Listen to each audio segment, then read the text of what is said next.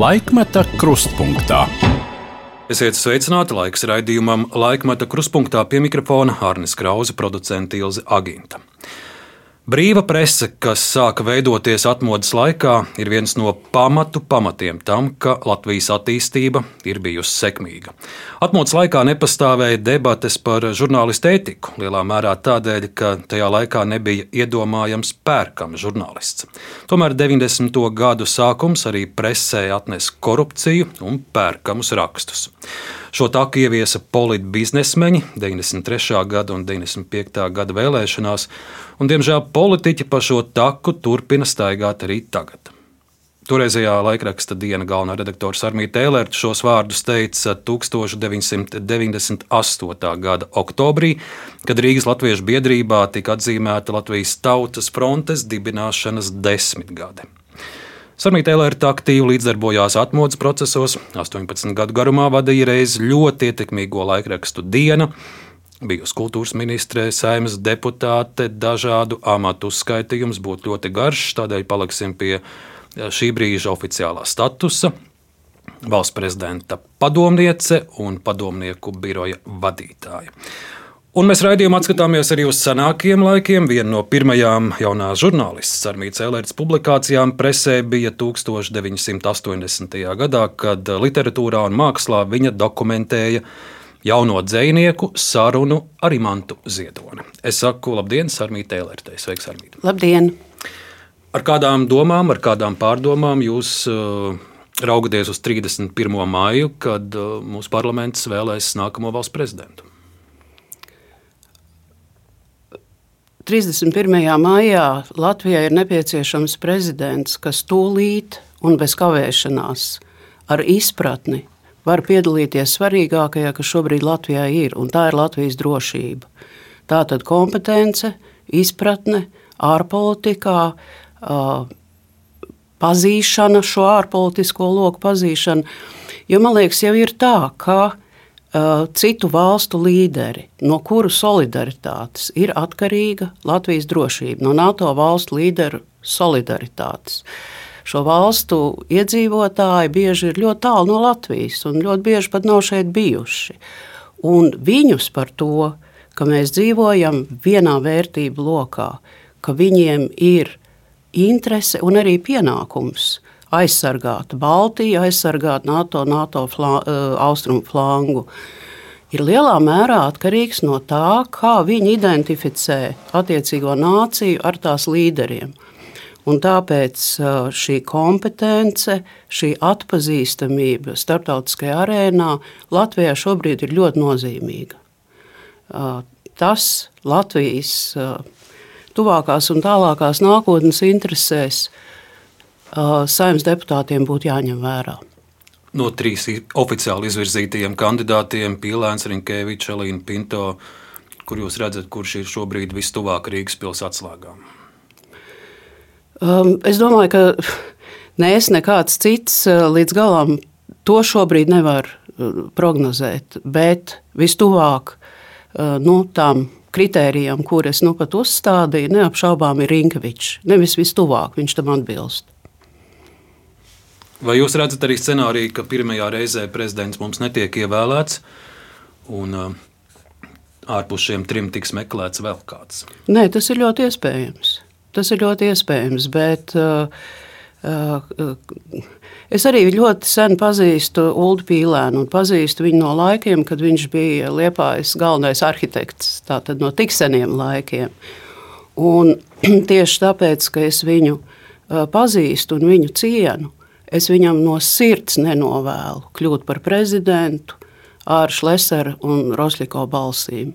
Un tā runāšana, ka visas balss ir uh, vienādas, uh, nav taisnība, jo tad varētu jautāt, kāpēc tad nevar izveidot valdību, kur vadītu Rosļikos vai Šlesers? Kāpēc tur ir, kāpēc tur pēkšņi visas balss, balss nav vienādas? Prezidents Zatlers to pirms nedēļas mūsu redzījumā teica, ka saimā visas balss ir vienādas. Jā, Uh, jā, bet ne izvēloties valdību, ne izvēloties, jo izvēloties valdību, saima izvēlās valsts politisko identitāti un virzienu. Izvēloties prezidentu, tāpatās. Un, nu, jā, tas ir iemesls, kāpēc viņam no sirds nenovēlu. Prezidenta Levita lēmums izstāties no prezidenta vēlēšanu sacensības. Cik šis lēmums jums pašai bija pārsteigums, vai arī prezidents Levits ar jums kā ar padomnieci konsultējās, ko darīt, kādus uzsvarus savā paziņojumā likt, kas šajā trešdienā notika. Jo no rīta puses vēl no prezidenta komandas cilvēkiem mediji saņēma apstiprinājumu, ka prezidents piedalīsies prezidenta kandidātu debatēs. Atnāca pēcpusdiena, un prezidents Levits saka, ka viņš vairs nav kandidāts. Šajā, šajā trešdienā nenotika nekas īpašs. Tas bija lēmums, kurš visu laiku pastāvēja kā iespējams, un kurš pamazām nobrieda. Un nobrieda tā iemesla dēļ, ka nu, patiesībā nu, tāda, bija izveidojusies tāda pati situācija, kas ļoti iespējami ved uz to, kā tiks ievēlēts Pīlēns par prezidentu. Un uh, Levita atkāpšanās uh, atvēra šo lauku citu iespēju meklēšanai. Un tajā trešdienas rītā tiešām var apliecināt, ka nenotika nekas. Jo ne es, ne prezidents bijām redzējuši Kariņa interviju, kur mēģināja kaut kā sasaistīt ar to lēmumu. Tas lēmums bija pieņemts no rīta, un tikšanās mums bija ar Kariņu tikai pēc tam.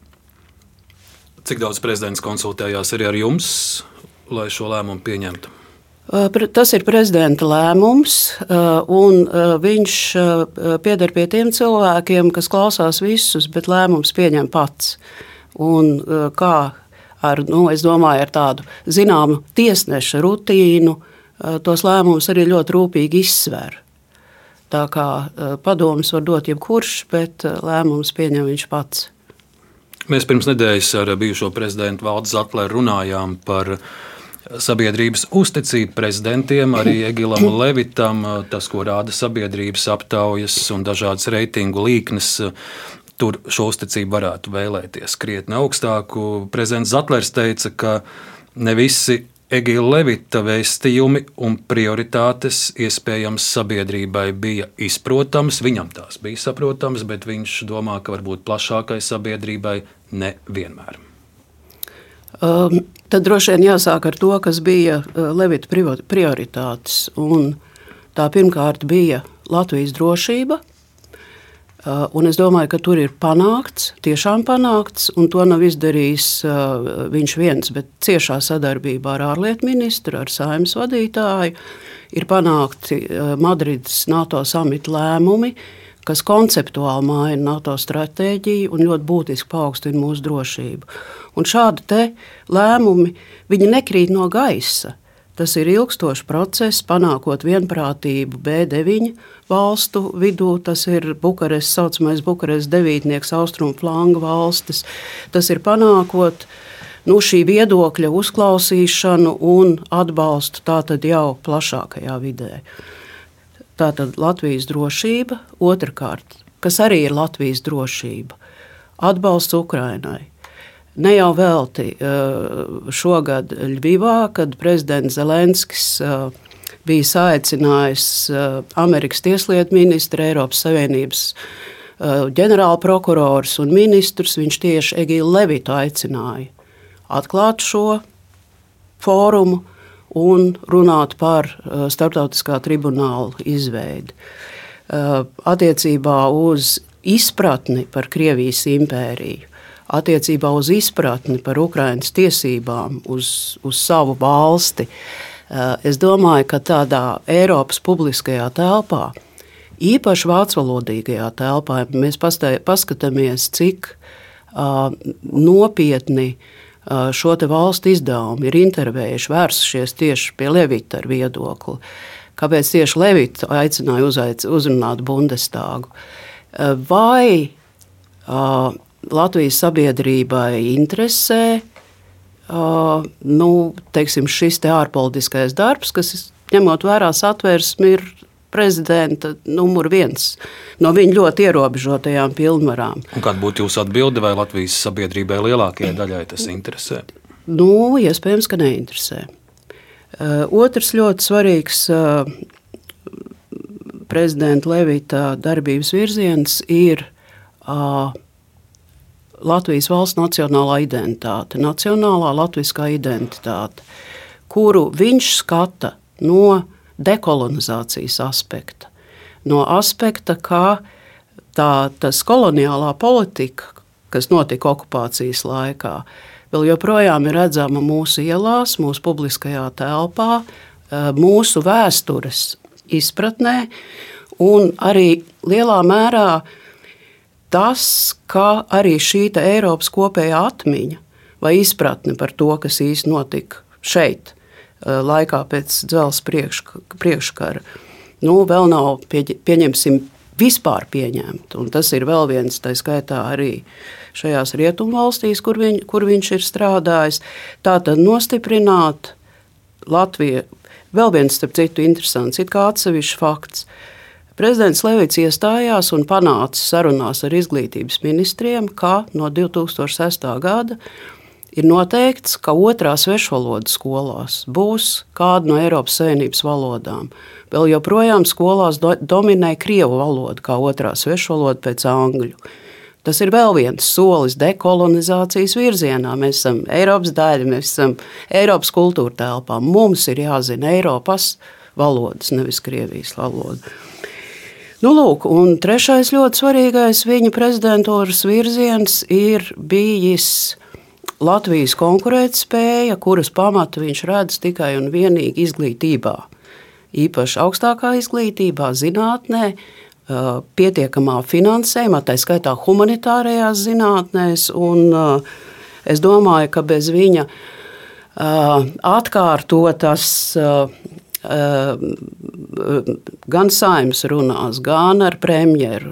Tas, ka valdība ir apņēmusies līdz 1,5% palielināt finansējumu zinātnē, pētniecībai, augstākai izglītībai, tas nebūtu noticis. Mēs atpaliekam un lielā mērā tāpēc, ka mums šī, šī modernitātes pamata nav vai viņš nav pietiekami stiprs. Par jūs kā prezidenta padomnieka darbu. Nu, padomnieku uzdevums ir veidot gan prezidenta darba un dienas kārtību, gan saprast, kas ir un kas nav svarīgi. Kā jums pašai šķiet, kā jums izdevās sataustīt gan šo sabiedrības pulsu, noskaņojumu, mm, saprast, kas ir tas svarīgākais un kas ir mazāk svarīgs? Nu, viena no tādām uh, Nu, viens no virzieniem, kas, kas prezidentu ir patiesībā ļoti interesējis, ir reģionālās vizītes. Un es domāju, ka uh, viņš ir bijis, uh, es domāju, gandrīz vai pilnīgi visos Latvijas novados, tā skaitā pirms reformas, kad tie novadi bija, bija daudz vairāk. Un es domāju, to sabiedrības pulsu lielā mērā izjūti tieši runājot ar cilvēkiem, runājot ar cilvēkiem. Uh, novados ar uzņēmējiem, skolotājiem. Katru reizi, kad mēs braucam uz kādu novadu, mēs noteikti arī ejam uz skolām, ar, nezinu, arī uz slimnīcām, skolām. Nu, tā ir tas, ir tas veids, kā izjust to. Bet tajā pašā laikā es domāju, ka Levitam ir raksturīgi tas, ka, nu, ja viņam par kādu lietu ir pārliecība, tad viņš šo pārliecību arī neslēpj. Un, piemēram, viņa pārliecība bija, ka pandēmijas laikā mums ir jābūt racionāliem, ka mums ir jāklausās zinātnīs atziņās, ka cilvēkiem ir jāpotējās, un ka tie, kas nepotējās, apdraud tos, kuri gribētu izvairīties no šīs slimības. Un tiem nebūs Ziemassvētki, ja bija šis citāts. Jā, un cik mēs atceramies, ļoti daudz cilvēku bija iegrimuši teikt, visādos misticismu stāstos. Un, nu, tiem cilvēkiem, protams, ļoti nepatīk tas, ko Levits darīja. Tāpat es domāju, ļoti daudziem arī nepatīk viņa šī te, uh, nostāja par Latvijas dekolonizāciju. Arī tā nepatīk. Nu, ir atkal cilvēki, kuriem nepatīk, ka viņi no prezidenta Levita kā jurista sagaidītu daudzos jautājumos daudz skaidrāku valodu, piemēram, stāstā par Stambulas konvencijas ratifikāciju saimā. Jā, šajā jautājumā viņš uzskata, un to viņš arī ir teicis intervijās, ka šo uh, nesen ir. Uh, ka šo konvenciju var ratificēt, to ir atzinusi arī satversmes, uh, satversmes tiesa. Un, ja kādam ir kādi iebildumi, tad līdzīgi kā uh, atsevišķas valsts tam var pievienot arī nu, savu īpašo viedokli vai komentāru. Nu, to ir darījusi, cik es zinu, Horvātija, to ir darījusi Ukraina, Polija. Tā kā es domāju, ka tas. Jūs kā padomniece viņam ieteicāt, varbūt šajā jautājumā to vēstījumu skaidrāku paust? Bet viņš šo, šo vēstījumu ir skaidri paudis pavisam nesen intervijā žurnālam ir. Bet tas ir faktiski nu, jau prezidentūras pēdējie mēneši, bet pirms tam arī daļa ļaudis sagaidīja no prezidenta skaļāku balsi šajā lietā. Jā, bet nu, tad, kad viņam jautā, tad viņš arī atbild. Varbūt agrāk tik skaidri arī nejautāja, bet tā ir nu, saimnes atbildība. Diemžēl mēs redzam, ka saima to ir atkārtoti noraidījusi. Prezidents nevar pieņemt konvenciju. Prezidenta Levita darbs tiek vērtēts, un arī pēc prezidentūras noteikti vēl tiks vērtēts daudz un plaši. Es minēšu vēl vienu vērtējumu, kas ir izskanējis no konstitucionālo tiesību jurista, savulaik arī prezidenta Bērziņa padomnieka juridiskajos jautājumos Edgars Pastera. Viņš Twitterī rakstīja citāts: Vēsturiskās zemes, kas ir simboliski, būs svarīgi vēlāk. Nebija Levita laiks, pandēmija un ekonomika viņu nesaistīja, tiesiskuma sardzē nebija, negaidīti, ātri apskatot vismazāk veto gadījumi mūsdienās. Arī tāds vērtējums. Jā, es neesmu izsakojis, vai tie veto gadījumi ir vairāk vai, vai mazāk likumdošanas jomā. Es domāju, ka prezidents Levits ir bijis ļoti aktīvs. Viņš ir iestājies, nu, viņš ir pats rakstījis likumus vai arī piedāvājis likumu labojumus. Viņš ir panācis izmaiņas tiesiskuma jomā, runājot gan un vienojoties ar saimnes deputātiem, saimnes komisijas vadītājiem, piemēram, tas attiecas uz uh, uh, iespēju samazināšanu, novilcināt tiesu procesus, ko mēs zinām, kas ir bijusi ilgstoša pro problēma. Uh, viņš ir vairāk kārt iesniedzis, kas arī ir pieņemti grozījumi partiju finansēšanas likumā, un ja mēs runājam par tiesiskumu, tad uh, uh, uzņēmēju finansētas partijas ir viens no netiesiskuma pīlāriem, vai arī kas ir radījis nu, vidi, vienkārši vienu vidi vienai, vienai uh, iespējai korumpēt politisko sistēmu.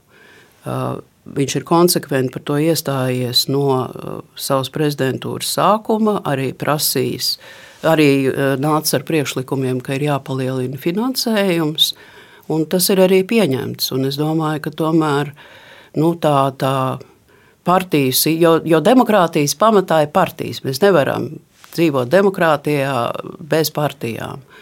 Un sabiedrības interesēs ir, ka šīs partijas netiek finansētas no oligarkiem vai no uzņēmējiem, kuriem ir savs intereses dažādas naida, melu kampaņas faktiski ir piedzīvojis katrs no atjaunotās Latvijas prezidentiem, bet tas mans vērojums, ka tieši attiecībā uz prezidentu Levitu nu, pret viņu bija ļoti masīvi dažādi. Dažādas, nu, neminēsim vārdā, kas, kas tik nebija gan publicēts, un, un sociālajos tīklos, ar, ar ko jūs to, to izskaidrotu. Es domāju, to var izskaidrot gan ar sociālo mēdīju ietekmi vispār nu, mūsu informācijas telpā, kura ir ar katru gadu augoša, kas nozīmē, ka arī tie nu, informācijas avoti kļūst ar vien nu, sasmalcinātāki, kas nozīmē, ka sabiedrība dzīvo ar vien atšķirīgākos informācijas avotos. Vēl es to skaidroju ar ļoti, nu, ļoti apzinātu kampaņu, kuras mērķis ir diskreditēt Latvijas valsti. Un, un tas labs veids, kā to darīt, ir tieši caur noteiktām personībām. Šodien LSM ir Anīts Brauns raksts par šo tēmu, atsaucoties uz Somijas Somijas eh, gadījumu un izpēti. Un, eh, nu, tās Kremļa troļu fermas jau darbojās. Viņas darbojās, tā skaitā pamudinot visādus vietējos dīvainīšus, kas labprāt pieslējās. Kāda, kāda ir viņa motivācija to darīt? Diskreditēt Latviju. Vietējiem. Vietējiem nu, prāta trūkst vienkārši. Pieslējoties šādiem te uh, Eh, Kremļa eh, iniciētiem eh, uzbrukumiem, kas pēc būtības, kuras mērķis ir vai nu kas bija piemēram 2008. gadā, es ļoti labi atceros, parādījās, nu, uzsvērti parādījās, ka Latvija ir, nu, tas, pazu, kā, kā tas būtu tulkot, ka Latvija ir failed state. Nu. Neizdevusies. Nu, nu, jā, nu, neizdevusies valsts. Un uh, interesanti, es runāju ar vienu uh, Igauņu Ilves padomnieku, kas uh, tieši atbildēja par viņa nu, to publisko politiku. Un viņš teica, ka interesanti pastīties, ka vienlaicīgi parādās Igaunijā un Latvijā pēc būtības vienādi vēstījumi. Tik un tik kilometri līdz Tallinai vai līdz Rīgai. Ja? Mēs tur tūlīt tā valsts ir zudusi. Mēs viņu tā teikt tūlīt paņemsim. Un, diemžēl Es domāju, ka mums trūks nu, tāda sabiedriskā drošība, kopējā sabiedriskā drošība pret uh, visu šo dezinformāciju un, un naidu runu. Un uh, trūkst arī tā kritiskā, kritiskā izvērtēšana vai, vai, vai zināma cilvēku psiholoģiskā drošība. Ja reiz mēs pieminējām medijus, tad ar tiem turpināsim runājot par mediju spēku, kvalitāti, ietekmi, par sociālo mediju lomu mūsdienās, un arī ņemot vērā daudz gadu jums žurnālistikā un arī reizvadot ietekmīgāko rīta laikrakstu. Kā pirmais arhīva citāts es izvēlējos no Latvijas radiofonotēkas 1900. 98. gada 10. oktobra ierakstu no Latviešu biedrības nama Zelta zāles. Tur pulcējās Juris Rubēns, Jānis Stradiņš, Dainis Ivāns, Jānis Škapars. Un arī jūs esat runātāji vidū. Jūs runājat par atmodas laiku un presi. Un, un savā runā stāstat, ka medijiem atmodas laikā bija trīs galvenie uzdevumi. Svarīgākais bija pārvarēt bailes, otrs bija uh, būt opozīcijā varai, būt varas grāvējai, un trešais, protams, bija arī palīdzēt organizēt tautas kustību. Ieraksts no 1998. gada 10. oktobra Latviešu biedrības namā, kur jūs stāstat par to, kā desmit gadu, pirmo neatkarības desmit gadu laikā Latvijas presa ir mainījusies. Es uzskatu, ka brīva prese, kura sāk veidoties atmodas laikos, un kura tomēr, atšķirībā no daudzām citām mums apkārt esošām valstīm, ir izveidojusies Latvijā, ir viens no, viens no pamatu pamatiem tam, kas Latvijas attīstība ir bijusi sekmīga, bet, piemēr, bet teiksim, Krievijas piemērs ar savu lēno un dramatisko uh, attīstību lielā mērā ir liecinājums arī tam, ka tur jau pietiekami ilgu laiku nefunkcionē brīvi dažādi kritiski viedokļi. Un tomēr pastāvēt brīvai presē, tas pirmkārt ir redakciju un žurnālistu vēlme un spēja būt brīviem. Vēlme un spēja.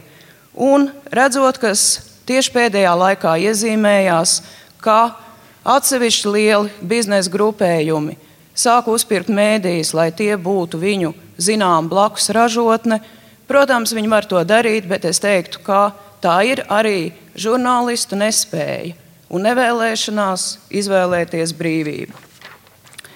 Ja mēs salīdzinām tādu ļoti svarīgu lietu un pēdējā laikā arī diskutētu žurnālistu ētiku, tad autoritārā laika žurnālistus mēs varam saukt, protams, par morāli korumpētiem.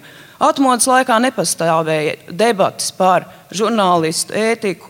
Es domāju, lielā mērā tādēļ, ka nebija iedomājams tajā laikā pērkam žurnālists.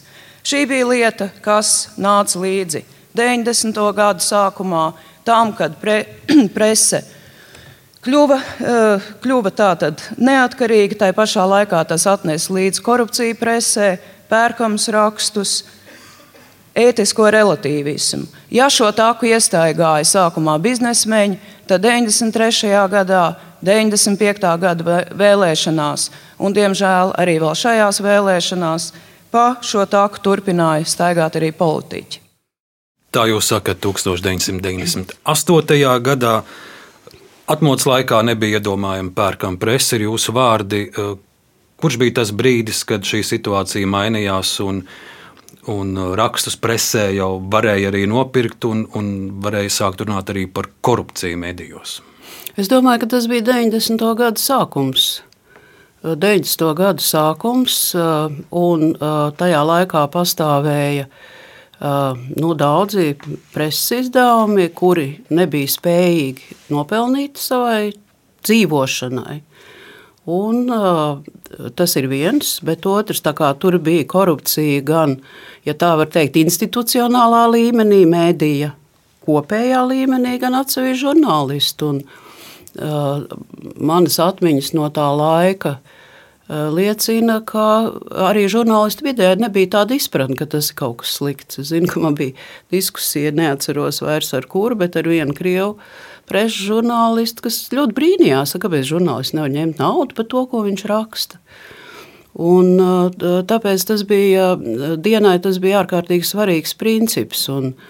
Es atceros, ka eh, laikam mēs sākām tā tad iznākt 90. gadā. Un tas varēja būt 91. gadā. Mēs uzzinājām, ka viens no mūsu biznesa žurnālistiem ir ņēmis naudu. Mēs viņu ļoti publiski eh, atbrīvojām no darba.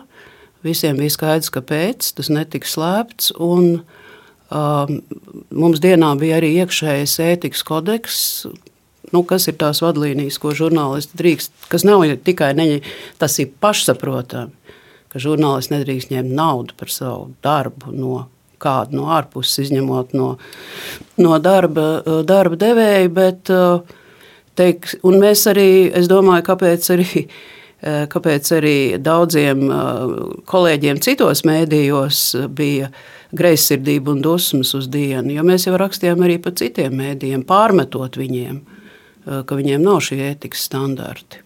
Tā kā mēs darbojāmies kā tāds zināms policists mēdīja aprindās, kas vienmēr nav patīkami. Īsais stāsts par to, kā radās diena. Un jūs jau zinat, nu, ik pa brīdim arī ir šis jautājums, cik godīgs armija LRT tika pie dienas akcijām. Diena pati daudz rakstīja par privatizāciju un privatizāciju, bet vai arī dienas gadījumā nebija šis privatizācijas ceļš, tas jums tiek pārmests jau gadu gadiem. Dienas privatizācija, es domāju, ir viss caurlūkojamākais privatizācijas gadījums. Dibinot dienu ar augstākās padomus un vīzes padomus kopēju lēmumu. Šajā lēmumā bija ierakstīts, ka diena tiks privatizēta. Jo mēs ļoti labi apzināmies, ka tas ir vienīgais veids, kā šo laikrakstu izveidot, bet vienīgais veids, kā tam pastāvēt, ir neatkarīgi no politiskās varas. Par dienas privatizāciju bija divi augstākās padomas, tā laika parlamenta lēmumi. Uh, un uh, jebkurš, kurš vēlējās kļūt par dienas akcionāru, par tādu varēja kļūt. Uh, man šķiet, ka mūsu kopējais akcionāru skaits bija kādi simtu. Dienas darbinieki varēja, protams, kaut kādi simtu. 160 vai 180 cilvēki. Katrs varēja nopirkt tik akcijas, cik grib. Un tad, kad šis process jau tuvojās izskaņai, tad Godmans izdomāja, ka kā viņš varētu dzīvot bez ministra prezidents, bez savas avīzes. Un, tad es zinu, ka mēs teicām, nu, tad mēs pērkam piecus burtus, un tas arī bija. Mēs nopirkām no valsts piecus burtus dienu. Jo visus gludekļus, aizskarus, datorus, tas viss palika godmanība. Par, tā, kā, par to, kā dienai šajos gados ir gājis, mēs runāsim turpinājumā. Šeit būs viens piemērs, jo dienai tolaik nu, nemitīgi pa brīdim bija kādi starpgadījumi ar ļoti dažādiem politiķiem, un politiķi bija pikti uz to, ko raksta diena. Gan savos ievadраkstos un komentāros, gan, gan ziņās. Šeit tūlīt izskanēs viens piemērs, nebūtu ne kāds svarīgākais, bet tas ir senākais arhīva ieraksts no Latvijas televīzijas panorāmas arhīvā. Šis ir stāsts no 1996. gada jūnija.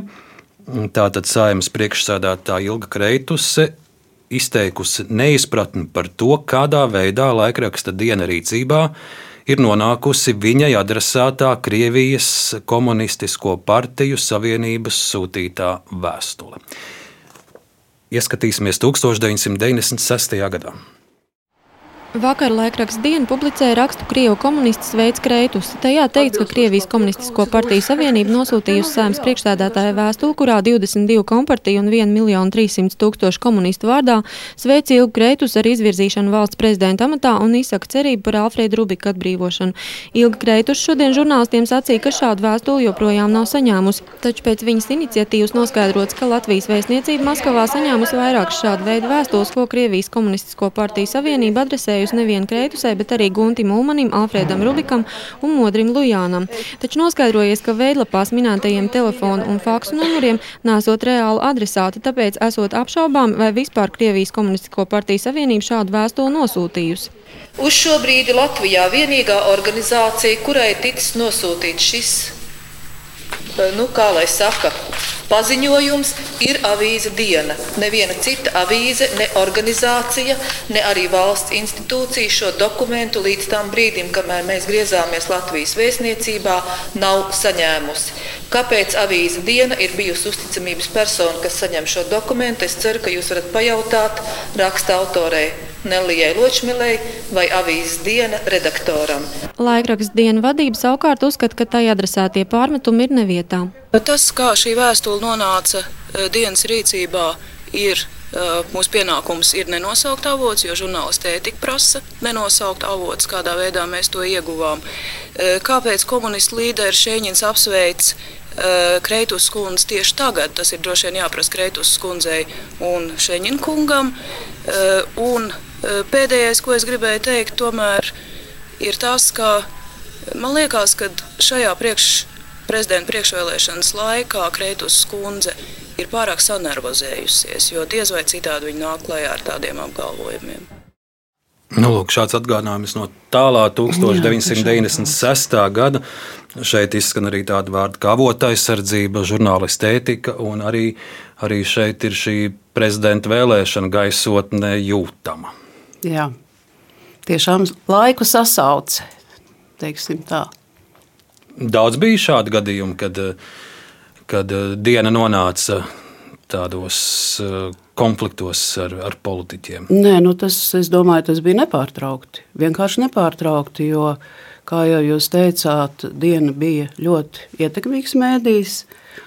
Eh, un, eh, nu, no tā, ko rakstīja dienā, nu, lielā, arī tā dienas kārtība lielā mērā tika ietekmēta un dažkārt arī, arī veidota. Eh, mums, protams, ir jau eh, gadu, bija gadu desmit attiecības ar eh, Aivaru Lembergu, kuras sākās tādējādi, ka tika pieņemts likums, ka valsts kontrole varēs kontrolēt arī pašvaldības, kas līdz tam neskapēc nebija. Un uh, Aivars Lembergs pateica, ka viņš šo likumu nepildīs. Un mēs teicām, ka viņam tas likums ir jāpild. Un, uh, no tā laika sākās, uh, sākās nu, tāda zināmā Aivara Lemberga apsēstība ar dienu. No kā izrietēja viss tālākais, gan neatkarīgās rīta avīzes iegūšana, gan beigās dienas nopirkšana no mistiskiem starpnieku investoriem pa vidu. Cermīgi pie Aivara Lemberga mēs vēl nokļūsim, bet Jā. es gribētu sākt ar Andrisu Čēlu. Paliksim arī vēl pie 95. un 96. gada. Šeit uh, ir laikraksta diena 96. gada 13. decembra numurs. Pirmā intervija ar premjera kandidātu. Un tā ir intervija ar Andriu Čēlu. vēlākajos gados daudz runāts par to, ka diena sniedz sākuma posmā lielu atbalstu Andrim Šķēlēm. Daudz runāts par to, ka diena un Sarmītē Lerte varēja veidot koalīcijas, varēja iecelt un atcelt ar savu avīzes spēku ministrus. Par jums un Andris Šķēlu. Nu, es izlasīju šo interviju, gara intervija man dažkārt pārmet, ka man esot diezgan tādas komplementāras intervijas.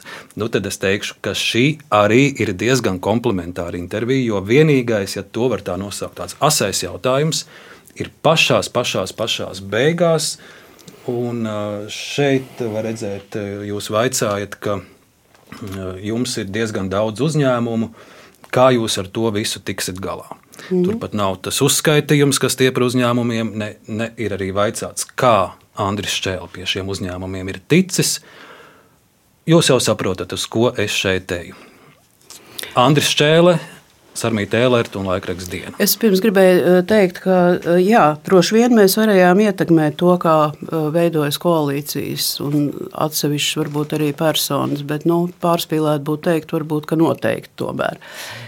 Kas attiecas uz šo interviju, nu, droši vien jā, tā bija pirmā intervija. Un tas galvenais uzdevums bija ar šo kandidātu iepazīstināt, jo viņš nebija pazīstams. Jāatzīst, ka pirms tam, neatceros cik ilgu laiku, viņš piedalījās vienā no diskusijām, laikrakstā diena. Kur bija arī Enārs Repše, un, un, un, kas bija Latvijas bankas vadītājs.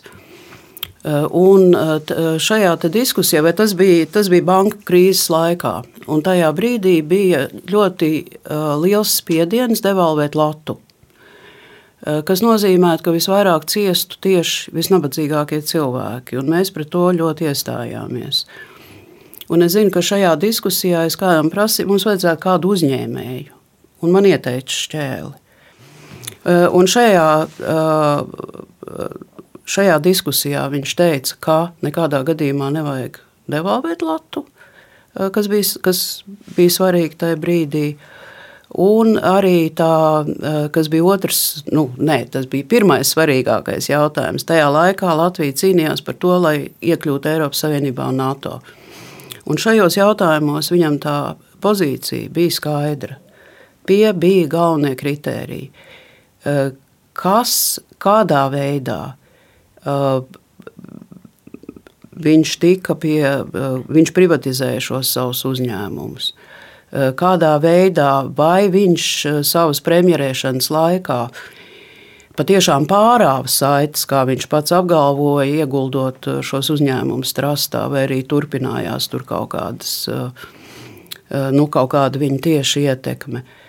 Tas viss noskaidrojās pakāpeniski to varēja izpētīt pakāpeniski. Un, Bet tādā sākuma posmā savu veidu uzticības kredītu jūs no avīzes puses Andrim Šķēlam devāt. Kā jebkuru, eh, tāpēc, ka diena vienmēr, eh, katrās vēlēšanās, eh, mēs publicējām ievadrakstu, kurā mēs teicām, kas ir tie kritēriji, pēc kuriem mēs vērtēsim attiecīgās partijas, un attiecīgi arī vērtējām un ieteicām, mēs ieteicām, par ko balsot. Un pēc šiem kritērijiem mēs vērtējam gan šķēli, gan pārējos politiķus. Šajā laikā, kā jau teicu, tas svarīgākais mūsu tas rietumu kurs, nu, par to nebija šaubas attiecībā uz viņu. Viss tas pārējais, kā tāds augonis, nāca, nu, nāca dienas gaismā pakāpeniski, tā skaitā arī pateicoties mūsu žurnālistiem. Tik tālu daži fakti sakrīt, jo es skatos arī Andris Šēls ir intervētas 2010. gadā, toreizajā televīzijas kanālā LNT. Viņš saka, ka dienai bija svarīgi, lai tiktu darīti Latvijai būtiski darbi. Tāpat svarīgi bija Latvijas virzība uz NATO rietumniecisko vērtību ieviešanu. Bet papildu tam Andris Šēls arī saka, ka Viņam bijusi vienošanās ar laikrakstu dienu un galveno redaktoru Sarmītu Ēlerti par sadarbību, un šīs sadarbības ietvaros es esmu saņēmis laikraksta redakcionālo atbalstu. Neapšaubāmi, tā saka, teicis desmitajā gadā Andris Čēlis. Nē, un tas neatbilst patiesībai, jo nekāda apsolījuma par sadarbību vai nekāda šāda uh, īpašā politika attiecībā pret viņu nav bijusi. Uh, es zinu, ka kādā reizē uh, viņš par to runāja, un es arī ļoti skaidri atbildēju, ka laikrakstam nevar būt kaut kāda alianse ar kādu pret kādu. Mēs esam paši par sevi. Jums ir bijuši kādi, kādi pēdējā laikā kādi kontakti ar Andriu Čēlu? Esat kādā varbūt saviesīgā koncertā, pasākumā, teātrī satikušies? Mums laikam gāma atšķirās. Mums Ceļi vispār vairs nekrustojas. Ceļi ne, nekus, nekrustojas, bet kas ir uh, interesanti, par ko liecināja viens no, kad es jau biju, man liekas, kāds divus gadus uh, prom no dienas, tas varēja būt kādā devītā vai kurā gadā, uh, jo tur ik pa mirklim tika, tika iesūtīti jauni Nu, tā laikā vēl it kā publiski nebija zināms, eh, kāda ir eh, viņu un Lemberga un citu tā reālā eh, vara pār, pār dienu. Bet katrā ziņā viens no pirmajiem uzdevumiem, ko viņš bija devis, ir novākt laikraksta dienas redakcijā Ilmāra Blūmberga bildes, tādas liela formāta fotografijas, kuras var vēl redzēt. Es domāju, tie no tām vecajām kas bija tādas plaukstas vai ar, ar ugu, kas nes uguni un tā tālāk. Jo tāpēc, ka ēlērtas to garu vajag auru, iznīdēt. Jā, jā ēlērtas gauru, auru vajag iznīdēt no tās telpas, un tad viņi to nabaga Blumberga bildes domāja iznesot, ka viņi varētu arī iznīcināt. Un tas bija tā kā tāda, uh, nu, domāju, parāda šo attieksmi. Nu, lūk, šķēli esam pieminējuši, bet saistībā ar dienu, protams, nu, neiztiksim bez Aivara Lemberga un arī Ventspils uzņēmēja puses, kā nākamais fragments, kuru es piedāvāju noskatīties un klausītājiem dzirdēt. Tas būs eh, panorāmas arhīvs no 1998. gada jūlija, un stāsts ir par to, ka toreizējais eh, ekonomikas ministrs Laimons Strujēvičs iesūdz laikrakstu Diena tiesā saistībā ar dienas publikāciju, kur tika kritizēts Strunkevičs par noteikumu maiņu privatizācijas procesā. Šis būs garš stāsts, jo tiesvedība bija gara, daudzu gadu garumā. Sākumā dienas zaudēja, tad jau ir iesaistīts atversmes tiesa, un tas garais ceļš beidzās šķiet pat eh, Strasbūrā cilvēktiesību tiesā, un beidzās arī ar to, ka tika pat mainīti Latvijas likumi. Garš stāsts, bet, lai to saprastu, noskatīsimies eh, panorāmas fragment no 98. gada sižeta autora un Ulme. Visai asu kritiku no laikraksta diena puses Strujevičs saņēma laikā, kad tika izstrādāts projekts par maksāšanas līdzekļu maiņu privatizējumiem uzņēmumiem. Kad minētie noteikumi tika pieņemti, diena pauda viedokli, ka pateicoties Strujeviča aktivitātēm valsts budžets varot zaudēt no 8 līdz 10 miljoniem latu. Pats Strujevičs šim viedoklim nepiekrita. Viņuprāt, diena šo informāciju pasniegusi vienpusēji, neuzsverot faktu, ka divu gadu laikā privatizācijas aģentūras valde mainot maksāšanas līdzekļus radījusi valsts budžetā zaudējumus 7,2 miljonu apmērā. Vēl asāku kritiku no dienas ministrs saņēma pēc sava padomnieka Anna Bumbiera nāves. Tieši Bumbieris palīdzēja Strujēviču vadītajai darba grupai sagatavot noteikumus par maksāšanas līdzekļu maiņu, un masu mēdījos parādījās informācija, ka ministram un padomniekam šajā jautājumā esot bijušas domstarpības. Vai jums bija domstarpības ar eh, Bumbieru kungu par maksāšanas līdzekļu? Man ar Bumbieru kungu nekad nav bijušas domstarpības. Man nav bijuši ar viņu nekad konflikti. Pat ja mēs varētu runāt tikai par aizdomu, ēnu. Tad brīdī, kad tiek šī lieta izmeklēta, Strunkevičam nav ne morāla, ne politiska tiesība turpināt atrasties šajā amatā. Es tiku nosaukts par zagļiem. Tad, kad šie dokumenti vēl nebija apstiprināti, un par zagļiem tika nosaukta visa privatizācijas padome. Vai šajā gadījumā, ja kāds žurnālists ir sagatavojis tādu materiālu, kas nav pierādīts, Elēnas kundzei nevajadzētu aiziet no sava darba? Šāds jautājums izskan, vai Elerts kundzei nevajadzētu aiziet no sava darba. Nu, Sarmīties lūkšu klausītājiem tiešām jau ir tādā koncentrētā divu minūšu stāstā visu šo, šo garo epopeju ielikt. Nu, arī es to vairāk nespēju ielikt, kā, ta, kā tas viss veidojas, bet tur bija. Man liekas, jāpiemina arī Aivars Osoliņš un viņa komentārs jā, arī. Tā tad Strujēvičs iesūdzēja dienu un Aivaru Ozoliņu tiesā uh, par komentāru, kurā Aivars Ozoliņš izteica viedokli, kā Strujēvičs ir apzadzis valsts budžetu. Es nevaru citēt precīzi tos vārdus.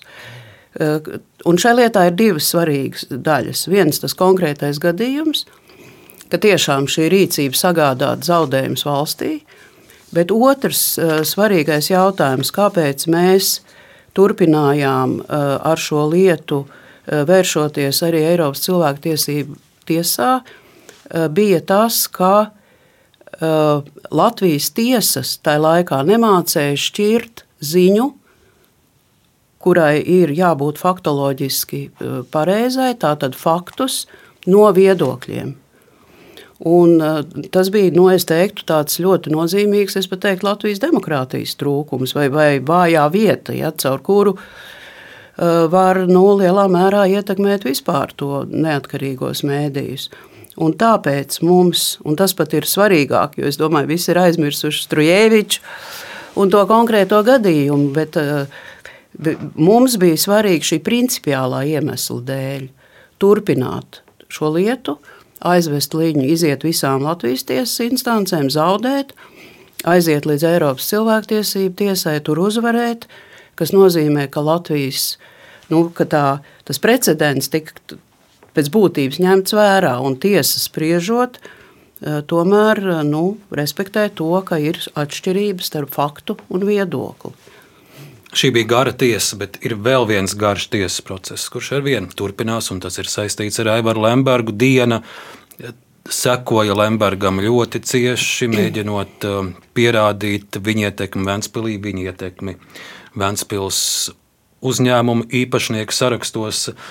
Šeit tikai viens piemērs, tas būs no 2003. gada. Uh, uzņēmējs Jūlijas Krūmiņš, toreiz Mantes īpašnieks, ir publiski pateicis, ka Aivaram Lembergam ir tieša saikne ar virkni Vēncpils ostas uzņēmumu. Par to, protams, raksta arī laikraksts Diena. Uh, fragments no Latvijas televīzijas panorāmas sižeta 2003. gada maijā. Kam pieder Vēncpils, jau ar trešo piegājienu mēģina noskaidrot laikraksta dienu. Tā galvenā redaktore Sarmīta Elerte skaidro, ja gadījumā Lembergam pieder kaut kāda daļa Vēncpils uzņēmumos, tad svarīgi noskaidrot, vai viņš kā valsts amatpersona ir deklarējis savus ienākumus, un vai nav nonācis konfliktā ar kriminālu likumu, pārkāpjot valsts amatpersonām uzliktos ierobežojumus.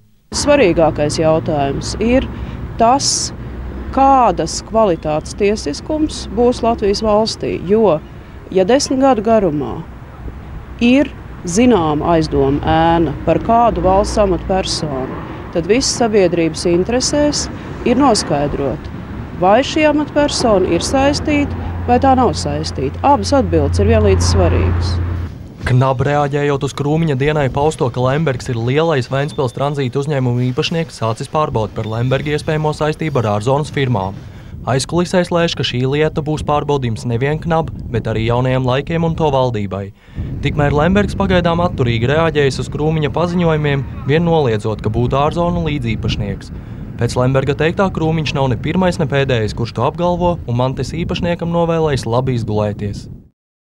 Un 2003. gads, jā, kam pieder Vēncpils šo jautājumu laikraksts diena, uzdeva neatlaidīgi un daudzu gadu garumā. Kādēļ jums bija svarīgi saņemt atbildi uz šo jautājumu, jo, jo varētu domāt, nu, vai Lembergs bija vienīgais. Tur jau bija vesela virkne, kuriem tās kabatas juka, kurā brīdī ir privātā, kurā brīdī ir pašvaldības vai valsts. Kādēļ bija tik liela pieķeršanās no dienas puses Lembergam? Tāpēc, ka Lembergs bija tāds nu, būtisks pamats korupcijas sērgai Latvijā jo viņš nebija vienkārši viens mazs pašvaldības vadītājs. Caur Vēncpils uh, ostu gāja uh, Krievijas naftas truba. Un, uh, tāpēc vienmēr tie cilvēki, uh, kas lielā mērā pašu Lemberga ietekmē stāsta, cik ļoti Vēncpils ir sakopta, es vienmēr esmu teikusi, ka tad, ja tā visa nauda, kas būtu iespējama Vēncpilī, tikt ieguldīta tiešām Vēncpilī, tad viņa jau šobrīd būtu zeltā nosvaltēta. Ventspils nafta jau 90. gados bija tie pirmie privatizācijas mēģinājumi. Un ņemot vērā, cik vērtīgs bija tajā laikā šis uzņēmums, ap to bija nu, tāda milzīga šī potenciālās korupcijas migla. Un, Tāpēc mēs par to rakstījām atkal un atkal. Un patiesībā tā bija kā paralēla izmeklēšana, jo mūsu žurnālisti strādāja šķetinot ārzonu ārzonu visu šo kompāniju, tur tos nebeidzamos tīklojumus, kurus nu, tagad jau mēs redzam, ka šajā tiesas procesā, kurā ir apsūdzēts Lembergs, nu, tie, tie, tie tīmekļi, tie astoņkāji jau tur nāk ārā. Tas viss bija, bet lai par to rakstītu, mēs nevarējām tā vienkārši iziet tirgus laukumā un saukt, re, kā tas ir. Tas prasīja pacietīgu, rūpīgu žurnālistu darbu. Un tiešām mēs tam esam veltījuši gadus, un nepavelti, jo, kā jau saku, šī Lemberga ietekme uz to politiskās eh, vidas samaitātību bija milzīga.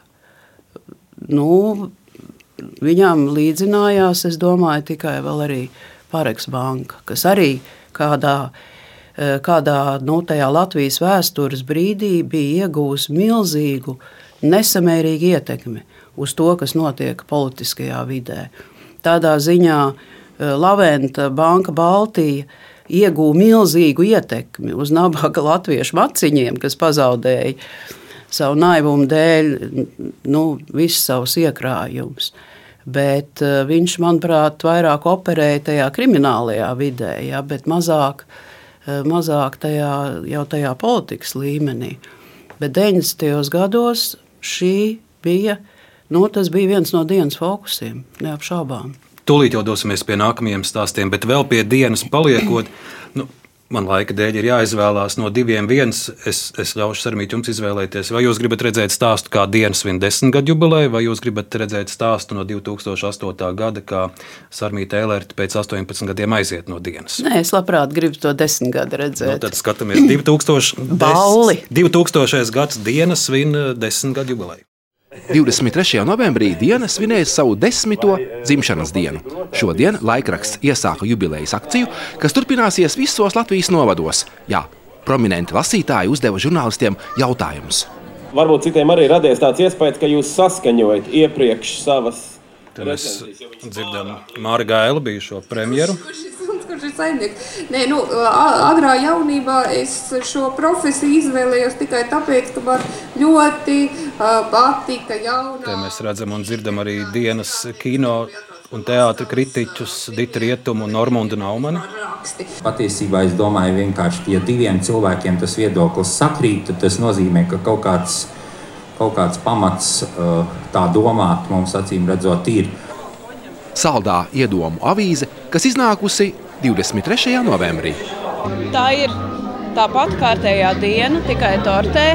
Eh, es domāju, varbūt Latvijā pirmo reizi ir izcepta lielā tortes dienas lapa, bet katrā ziņā noteikti ir pirmo reizi tortē nopirkt reklāmu. Bet te jūs redzat visu, kas parasti ir dienā.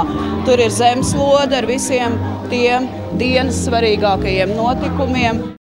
Nu, tas arī ir ieskats eh, Andrejs Omārs un, un Sarmītē, lai pie lielas, lielas dienas tortes. Un, šeit mēs redzam jūsu kolēģus tā laika, daži vairs arī no, nav šai saulē.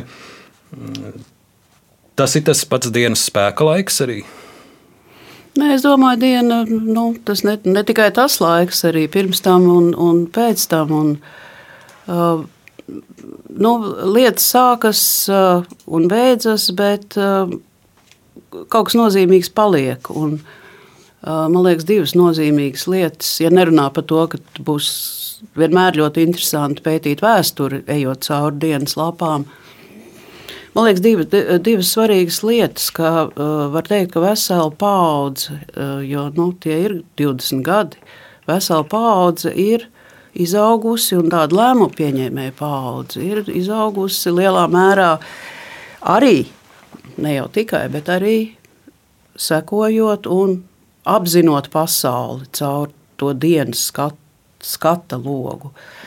Un arī žurnālistu paudze ir izaugusi. Un otrs, dienā. ko es gribēju teikt, žurnālistu paudze, kura joprojām, un, un tie ir, nu, manuprāt, ļoti, ļoti profesionāli un ļoti ētiski godīgi cilvēki. Un un es skaitīju vismaz ar mītu kāds 5, 6, es saskaitīju ārlietu ministrijas darbiniekus, diplomātus, kas arī ir nākuši no dienas. Un sabiedrisko mēdīju dažādās vadošās pozīcijās un, un, un Rietumvadu, kā mēs zinām, kinocentru tagad.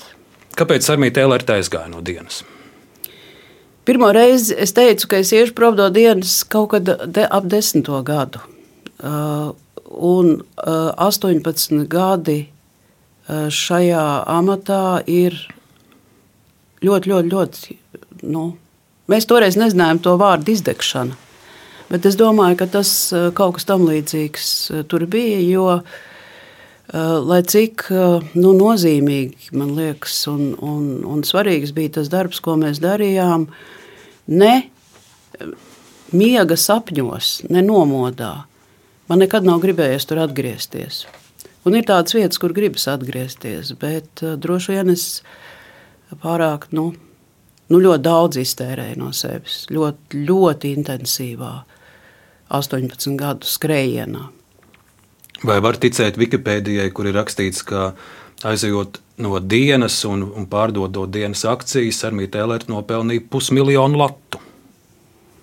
Nu, jā, mēs visi tie, kas gribēja kaut kādā brīdī pārdot savas akcijas, to varēja izdarīt. Tā cena bija pieaugusi, manuprāt, ne tikai tas, pa ko cilvēki 92. gadā pirka akcijas, bija nesalīdzināma ar to, par ko viņi pārdeva. Es domāju, tas bija ļoti godīgs darījums no Zviedrijas īpašnieku puses. Sarmīta, mūsu saruna ir gandrīz stundas garumā, un es jūtu, ka ir ļaudis, kuriem šobrīd niez mēlē, un, un tiem internetu komentētāju rakstītājiem niez arī pirksti. Vai tad tiešām krauza stundas garumā neko Sarmītai LRT nepavaicās par Džordžu Sorosu? Uh. Jā, par Džordžu Sorosu. Nu, tā tad Soros fonds, es kļuvu par Soros fonda valdes priekšsēdētāju pēc Andra Vilka, ne pēc Anītas Dūdiņas, Andris Vilks laikam bija pirms tam, kurā gadā es īsti neatceros. Eh, bet Soros fonds ir eh, izdarījis ārkārtīgi daudz laikā, eh, kad Latvijas valsts nespēja ieguldīt būtiskās jomās. Piemēram, 90. gada sākumā Džordžs Soros maksāja zinātniekiem vienkārši par to, ka viņi zinātnieki simts vai cik tur bija dolāri Un tas bija visā Padomju Savienības teritorijā. Vienkārši lai tie cilvēki nenomirtu badā. Viņiem nebija nekāda pienākuma. Uh, Soros fonds uh, atbalstīja uh, latviešu mākslu, tad, kad nebija vēl kultūra kapitāla fonds. Soros fonds atbalstīja izglītības, skolotāju pārizglītības un izglītošanās programmas, kad tādu resursu vēl nebija izglītības ministrijai. Nerunājot nemaz par tiem daudzajiem cilvēkiem, nu, kas individuāli brauc uz rietumiem, studēt dažādās augstskolās, vidusskolu beidzējiem vai, nu, vai, vai studentiem. Tā kā es domāju, tas ieguldījums ir bijis ļoti labs, ļoti vērtīgs. Džordžam Sorosam nekad nav interesējis, nezinu, ietekmēt, kas būs Latvijas premjerministrs vai prezidents. Viņš ar tādām lietām nenodarbojas. Eh, tie cilvēki, kuriem eh, ir sarežģīti izskaidrot dzīves sarežģītību, un tāpēc ir ļoti viegli atrast kādu vienu vainīgo, kas pie viss ir vainīgs. Nu, tad tur var izvēlēties. Tā paleta nav nemaz plaša. Nu, viens no iespējamiem variantiem ir visās dzīves nelaimēs vai savā slinkumā vaino Džordžs Soros. Sarunī pēdējā laikā nu, tas Soros vārds varbūt arī ir pieklis, pieklusis, bet vienā brīdī bija kā tur, tur bija, nebija sorosīdi un sorosisti, un bija arī tādi saraksti, tas, ka jūs esat tajā sarakstā, nu, to es vēl saprotu, bet kaut jūs kādā veidā iekļūs. es tur iekļuvu, es Soros neesmu ne, ne, neredzējis, ne, ne pat kādā projektā bijis, bet nu labi. Uh, viens stāsts par Džordžu Soros, arī viens panorāmas arhīvu stāsts no 2002. gada. Sižeta autorā Ikins, un tajā ir stāsts par to, ka neatkarīgajā rīta avīzē ir publicēts Lato lapsas raksts, kurā ir apšaubīta Sorosa fonda atklātība. Fragments no panorāmas. Pēdējos divos gados nauda fondā ieplūst no struktūras Open Society Institute CUG, kas nākusi Ņujorkas atvērtās sabiedrības institūta vietā. Kā tas ir iespējams reizē? No vienas puses, vaimanāt par to, ka Latvijas amatpersonas, nu, Lembergs un, un kas tur vēl neatklāja savus ieņēmumus no offshore, kas it kā ir un offshore, kas reģistrēti cūgā, ar otru roku ņemot, saņemot no, saņemot no Soros fonda, bija gadus, cik tā valde saņēma 5000 ar, ar, ar, ar vēl dažiem vatiem, kas arī ir nākuši no tieši tās pašas cūgas, no, vienkārši no cita offshore. Salīdzinājums, domāju, ir nekorekts, jo uh, Vēncpils uh, uzņēmumiem piedarošā neatkarīgā rīta avīze uh, publicējot šo salīdzinājumu ar ārzonu uh, fo, uh, firmām, uh, aizmirst pateikt to, ka tiešām tur īpašnieki nav pieejami atšķirībā no šī gadījuma, kur īpašnieki ir pieejami. Nu, kā jau minēju, pēdējā laikā tas Soros vārds jau, jau sāk pazust, un ir jau tagad paudze, kura vispār varbūt nezinu un nesaprot, kāds, kā, kādēļ Sarmīta Elerts sauc par, par Sorosīti. Ko tas vispār nozīmē? Es tikai atceros, jā, ka tas saraksts bija, tad daži bija dusmīgi, daži neizpratnēja, kāpēc iekļūši, bet daži dusmīgi, tāpēc, ka nav pieminēti šajā sarakstā, Pat jo arī viņi tā. arī gribētu būt labā kompānijā. Bet es domāju, ka tā ir arī nu, tā.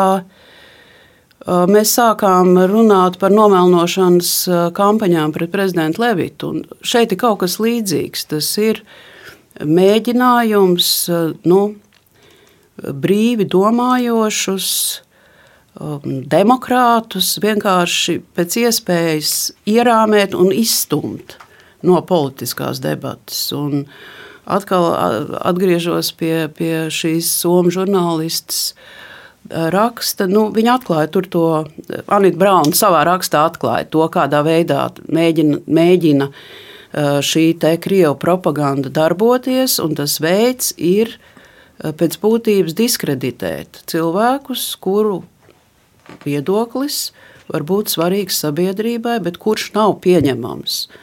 Un lielā mērā nav pieņemams tāpēc, ka tas pārstāv vienu vienlaikus latviešu un rietumniecisku identitāti. Šajā sižetā mēs redzējām uh, Latviju Lapsu, kurš neatkarīgajā publicēja šo rakstu. Jūs savulaik uh, dienas sākumos bijāt kopā. Kur jums tas melnais kaķis uh, ceļam pārgāja pāri? Mums nebija melns kaķis. Es Latviju Lapsu atlaidu no darba un baidos, ka Kaut arī tas notika pirms daudziem desmit gadiem, tā skarbziņa vēl nav kaut kā tikusi likvidēta. Par ko atlaidāt? Atlaidām no darba, tāpēc, ka viens no uh, reportieriem bija, kurš bija mūsu reportieris, bija stāsts strādāt uh, Finanšu ministrijā kā preses pres cilvēks, kā publisko attiecību cilvēks.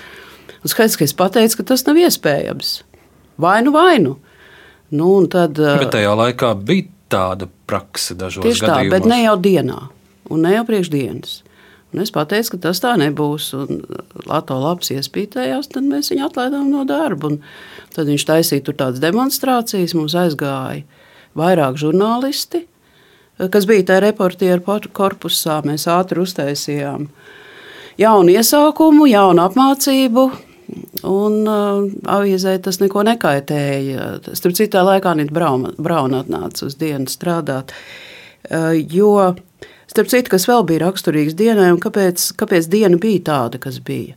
Tāpēc, ka mēs nepārtraukti mācījāmies. Nepārtraukti mums bija iekšēji semināri, izglītības grupas un viss šis. Un tāpēc tur daži cilvēki aiziešana tur dienai maz ko varēja kaitēt, bet no nu, Latvijas lapas to nav aizmirsis. Jūsu draugi, nedraugi, jo īpaši nav aizmirsuši un atgādina jums šad, tad vēl vienu jūsu dzīves epizodi, 88. gada pavasars un jūsu iestāšanās komunistiskajā partijā, jau tad, kad ir jau atmodas vēsmas, jau ir jau 87. gadā ļaudis ir pulcējušies 23. augustā pie brīvības pieminekļa. Jūs esat skaidrojusi, kādēļ to darījāt, tuvojās Rakstnieku savienības plēnums un tautas fronts dibināšana arī paudzei, kur varbūt nesaprot, kādēļ 88. gadā bija jāstājas komunistiskajā partijā. Ko Tāpēc, jūs atbildējat? Nē, pirmkārt, par tiem gadiem. Uh, par tiem gadiem ir tā, ka uh, no tā brīža, kad tu piesakies līdz brīdim, kad tev uzņem paiet laiks. Tā kā tas nav 88. gads. Pieteicāties ļoti... ātrāk, jāsanāk. Protams, uh -huh. es ļoti skaidri atceros to, kāpēc tas notika.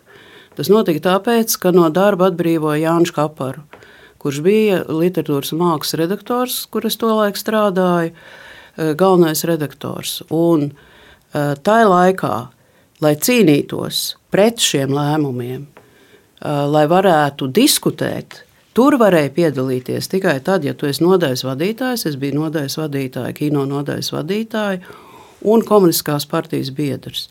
Tas bija šis grūdienis. Un es to definēju tā, es iestājos komunistiskajā partijā, lai cīnītos ar komunistiem. Jo šī robeža starp viņiem un mums, viņi jau nenovilkās tikai 88. gadā. Viņi jau skaidri iezīmējās daudz agrāk. Un tajā laikā tika izmantoti dažādi, tā skaitā šis līdzeklis. Uh, jā, lai kaut kādā veidā pret to cīnītos.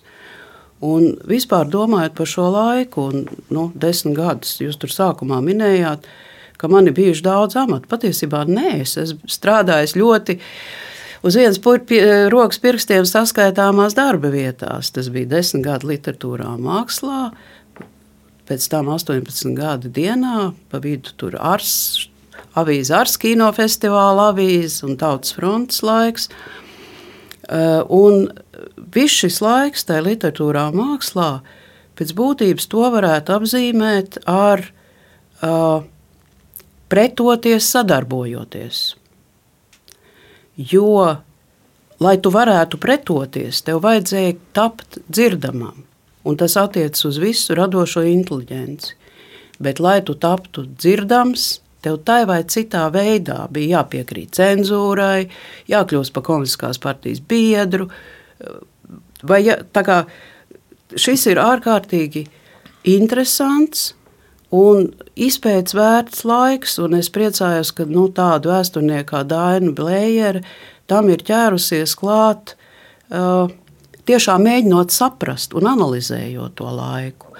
Jo toreiz tie, kas noturēja to latviešu identitāti un to latviešu pastāvēšanu, lielā mērā tā bija šī radošā, mēs patvērāmies kultūrā. Nekur jau citur nebija kur patvērties. Tāpēc bija tie neiedomājamie dzējas, krājuma tirāžas, tie autobusu rindas pie teātriem, jo tur tika nodots vēstījums. Savukārt, iespēja uh, ietekmēt šo sabiedrisko domu. Eh, te man jāpiekrīt Laurim Gundaram, kas uzrakstīja nesen grāmatu par astru. Viņš tādu astras vārdu vispār nezināja, kaut bija zinošs jaunietis. Es tādu astras vārdu pat nezināju. Šo ļoti cienījamo disidentu ietekme uz to sabiedrisko nu, izdzīvošanu, kas patiesībā bija tai, tai latviešu nācijai tajā laikā, bija ļoti ierobežota. Uh, No tā viedokļa, jā, visi līdzekļi, dažādi līdzekļi tika izvēlēti. Es arī skatos tādu pulkstenī, un man ir divas izvēles. Skatoties arī uz to arhīvu krājumu, kas vēl ir sagatavots, vai runāt par, par mūsu laikiem, un uh, Sarmītas Cēlērts darbība arī politikā, vienotība, Meirovica biedrība, Lietu sargu revolūcija kandidēšana uz Rīgas mēra amatu vai runāt par 70. un 80. gadiem.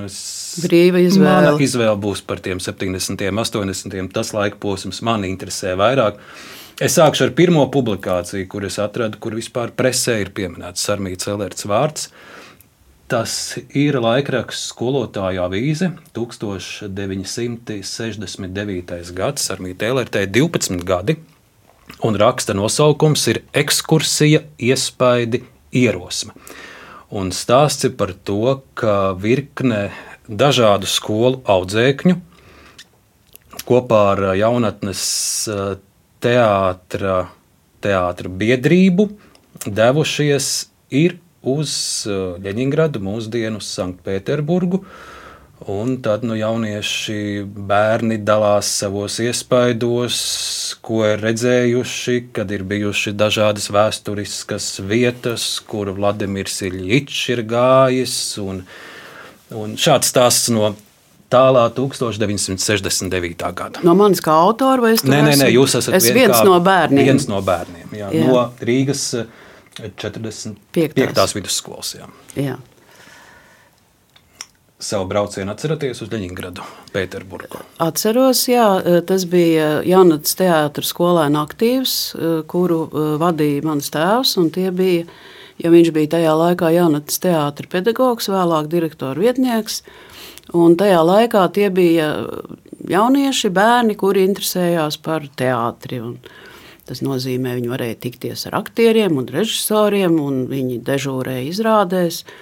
Un tā kā eh, man jau no agras bērnības nu, tas jauns teātris bija daļa no manas dzīves telpas, tad loģiski es arī tur biju, piedalījos. Nākamā publikācija, kuras izvēlējos, ir no 1972. gada arī skolotāju avīze, un raksta nosaukums ir Mīlestība teātris. Šeit arī liela fotografija, tajā jūs atpazīstat savu tēti, Ansēlertu. Un, un šeit ir arī citāts no viņa teiktā, ka straujajā tehnikas attīstības laikmetā teātris lomai cilvēka personības veidošanā, viņa estētisko bagātību uzkrāšanā ir izšķiroša nozīme. Un rakstā tālāk tiek teikts, ka savos audzēkņos Anna Sēlērts ir pratis ielikt stingrus teātris mīlestības stūrakmeņus. Un šis ir brīdis, kad es vēlos arī, lai jūs nedaudz par savu tēvu pastāstiet, arī saistībā ar ar viņa pieredzēto Otrajā pasaules karā. Es saprotu, ka kara beigas viņš sagaidīja Salaspils koncentrācijas nometnē. Nē, tur tas stāsts ir sarežģītāks, jo kara sākumu viņš sagaidīja Vācu krasta apsardzē jūrmalā, jo tur iesauca jauniešus, kuriem bija jāuzmana, ka tur nemet bumbas. Tālāk viņš bija pagrīdes pretošanās kustības dalībnieks, kas darbojās ap grupu Tautas balss un kas cīnījās gan pret vācu, gan pret padomju. Tas jau bija pēc padomju okupācijas un jau, kad bija vācu okupācija. Un tā ir sakarā. Viņš nonāca Salaspils nometnē, pēc tam Viņš slēpās, jo es zinu, ka viņš ir. Es atceros, viņš stāstījis, kā uz ielām ķēra uh, cilvēks un sūtīja prom uz Vāciju. Tas jau bija kara beigās. Un tādu vēl viņa pagūva iesaukt uh, Krievijas armijā, kur viņš beidza karu ievainots. Tā kā nu, viņa tā dzīve pilnīgi izmalās, izmalās cauri tiem kara notikumiem. Un tāpēc viņa tā. Uh, pārliecība uh, bija tā, ka, uh, ko esmu mantojusi, ka latviešu vieta nav bijusi nevienā, ne otrā okupācijas armijā. Un tie cilvēki, kas tika iesaukti tajā vai otrā pusē, ir upuri, bet nevis varoņi.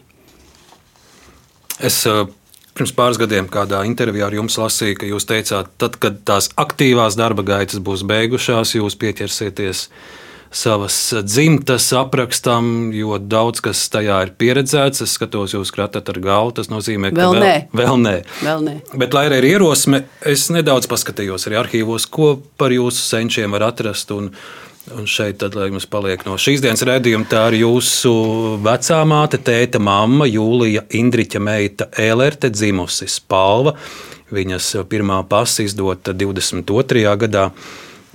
Te arī būs informācija par jūsu tēva tēvu Eiženu un jūsu vec, vec, vectēvu Ernestu. Un, nu, droši vien to jūs zinājāt, bet man bija interesanti paskatīties jūsu senčus un viņu tautību, paskatīties desmito punktu šajā anketā. Desmitais punkts. Desmitais punkts ir apakšā. Jūsu vecāta tautība. Vācietis. Vācietis jā. Jā. jā, mēs ļoti maz zinām par viņu, jo viņš nomira tad, kad manam tēvam bija divi gadi. Viņš patiesībā arī viņu neatcerās. Bet nu, mums tie senči ir labāk zināmi no saucamās. Mums bija Rīgas vecmāma, lauka vecmāma un Rīgas vecmāma ir Jūlija. Viņas tēvs Indriķis Spālva bija dārznieks Hartmaņa mūžiņā, kas ir tepat pārdaugavā pie Kuldīgas ielas. Tā kā viņi ir, tā kā es esmu rīdzinieci jau nec kurā pasaulē, paudzē, un otra vecmāma tā tad ir no uh, virbiem, kas ir pie talsiem, netālu no sabilas stacijas. Un es skatos arī māmas pasē, kur ir ierakstīts jūsu tēva dzimšanas fakts. Tas pirmais ieraksts viņam ir Hans Karls Wolfs. Un tikai jau vēlāk ar zīmolu ir izlabots uz, uz latviešu ansis, bet dzimis viņš ir kā Hans. Jā, un savukārt viņš bija Antis Sēlērts, un mans mazdēls ir Teodors Ansis Sēlērts. Vēl sarmīt pie 80. gadiem, un uh, periodikas, periodikas arhīvā es pameklēju, kurš tad ir jūsu pirmais raksts žurnālistikā. Jūs studējāt žurnālistiku, un nu, jūs zināsiet labāk, bet pat, pati pirmā teiksim, tāda publikācija lielajā presē, ko es atrodu, ir literatūrā un mākslā 1978. gadā, un jūs tajā laikā vēl esat studenti. Es jums parādīšu bildi, vai, vai atminēsiet, ar ko jums ir šī tā tad izstāstiet pati. Jā, tā ir saruna ar Anitu Kvālu. Uh, es uh, tā tad biju vēl studentes, bet uh, tajā... Liepājas teātra aktris. Jā, Liepājas teātra aktris. Bet sāku jau 70. Jā, 7. vai 8. gadā strādāt literatūrā mākslā, savienojot to ar studijām. Un uh, Škapars, kas bija literatūras mākslas redaktors. Vispār tā iznāk, ka viņš manā dzīvē uh, nu, līdzās vecākiem ir spēlējis visnozīmīgāko lomu. Uh, un šai konkrētā gadījumā viņš bija tas, kas uzskatīja, ka jānāk jauniem cilvēkiem. Un tiem jauniem cilvēkiem viņš deva augstus uzdevumus, daudz prasīja, bet deva arī lielu brīvību. Un šī publikācija ir vienā no numuriem, kas saucās Numurs jaunajiem. Un es biju redaktors šim numuram, tā tad veidoju. Vārds jaunajiem. Vārds jaunajiem, jā. jā. Un, jā, bet divos vārdos par škaparu, jo teiksim, tie kritēriji, kur, kurus viņš uzturēja literatūrā, mākslā, es domāju, tie man ir pavadījuši visu mūžu. Jo Un tas, tas kriterijs ir ļoti augsts prasīgums. Tādā nozīmē mēs nekad neesam tik labi, lai nebūtu labāki. Šo te sajūtu viņš radīja tajā literatūrā, mākslā. Tāpēc tā literatūrā, mākslā bija tik liela ietekme uz uh, atmodas procesiem, uz inteligenci, kas bija tas centrs, kur, kur tā doma vārījās līdz, līdz tiem 80. gadiem. Viņš bija tas, kas man 88. gada novembra, novembrī piezvanīja un teica, ko tu dari, tev jānāk uz fronti. Un tad es aizgāju tur strādāt, un nu, viņš tādā veidā. Tikai viņš tā var man pateikt. Un, un, un tālāk tas ceļš attiecīgi. Viņš bija tas, kurš izdomāja, ka jaunai valstī ir vajadzīga jauna avīze un, un tapa, tapa diena. Tā kā viņa ietekme uz to, ka Latvijas Tautas fronte uzvarēja vēlēšanās, pieņēma neatkarības deklarāciju, atjaunoja Latvijas valsti, ir uh, ārkārtīgi liela. Un tikai vēl viena publikācija, bet es to arī gribu parādīt jums un pieminēt. Tas ir 1980. gada decembris, arī literatūra un māksla. Raksta nosaukums Auga puķīte un meklē savu kātu. Jaunie par jaunajiem, un te ir arī bildes ar interesi šo rakstu pagaršā, bet izlasīju, uh, ko mēs bildē redzam. No priekšplānā ir Sarmīta Elerte, Imantu Ziedonies uzreiz atpazīstu, ko mēs tur vēl redzam no jaunajiem. Tur, tur mēs redzam uh, Viktoru Avotiņu, tur mēs redzam uh, uh, Egilu Zirni, uh, tur bija arī Zandere, ja nemaldos, Ines, jā. jā. Kas Mārs Melgals. Jā, Mārs Melgals, Uģis Segliņš, man jā. liekas, bija viens. Jā. Jā, tā bija saruna, jauno dzinieku paudzes saruna ar Imānu Ziedoni.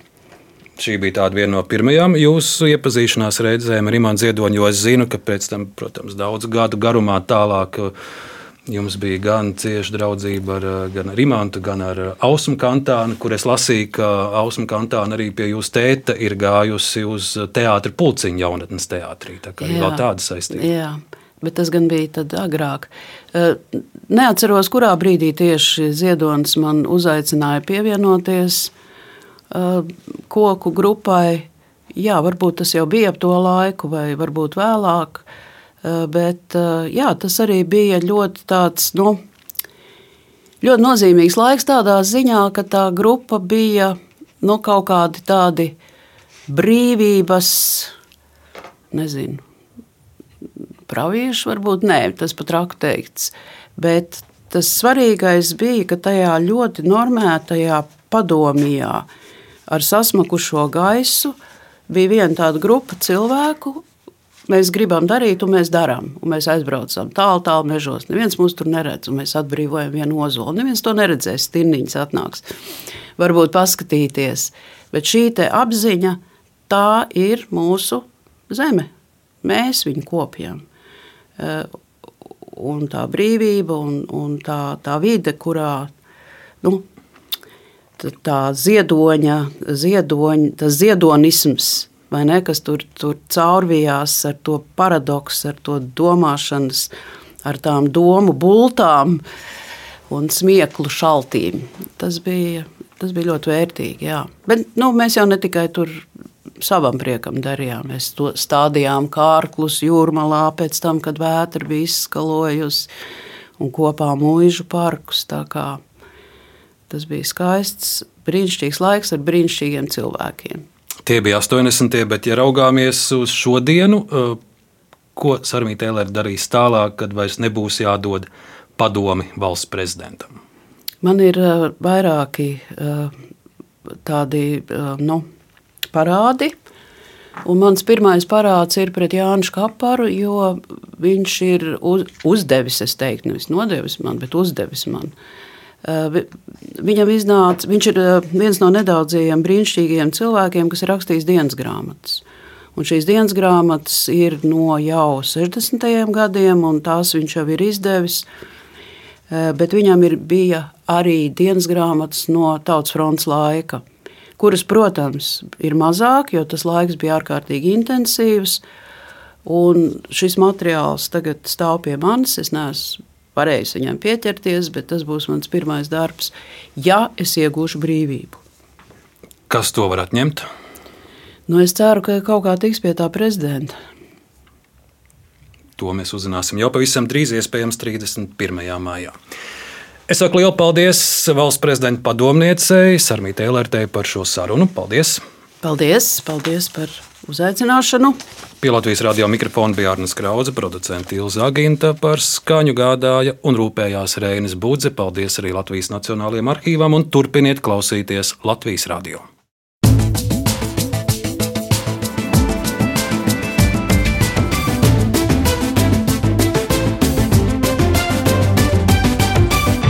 Laikmeta krustpunktā.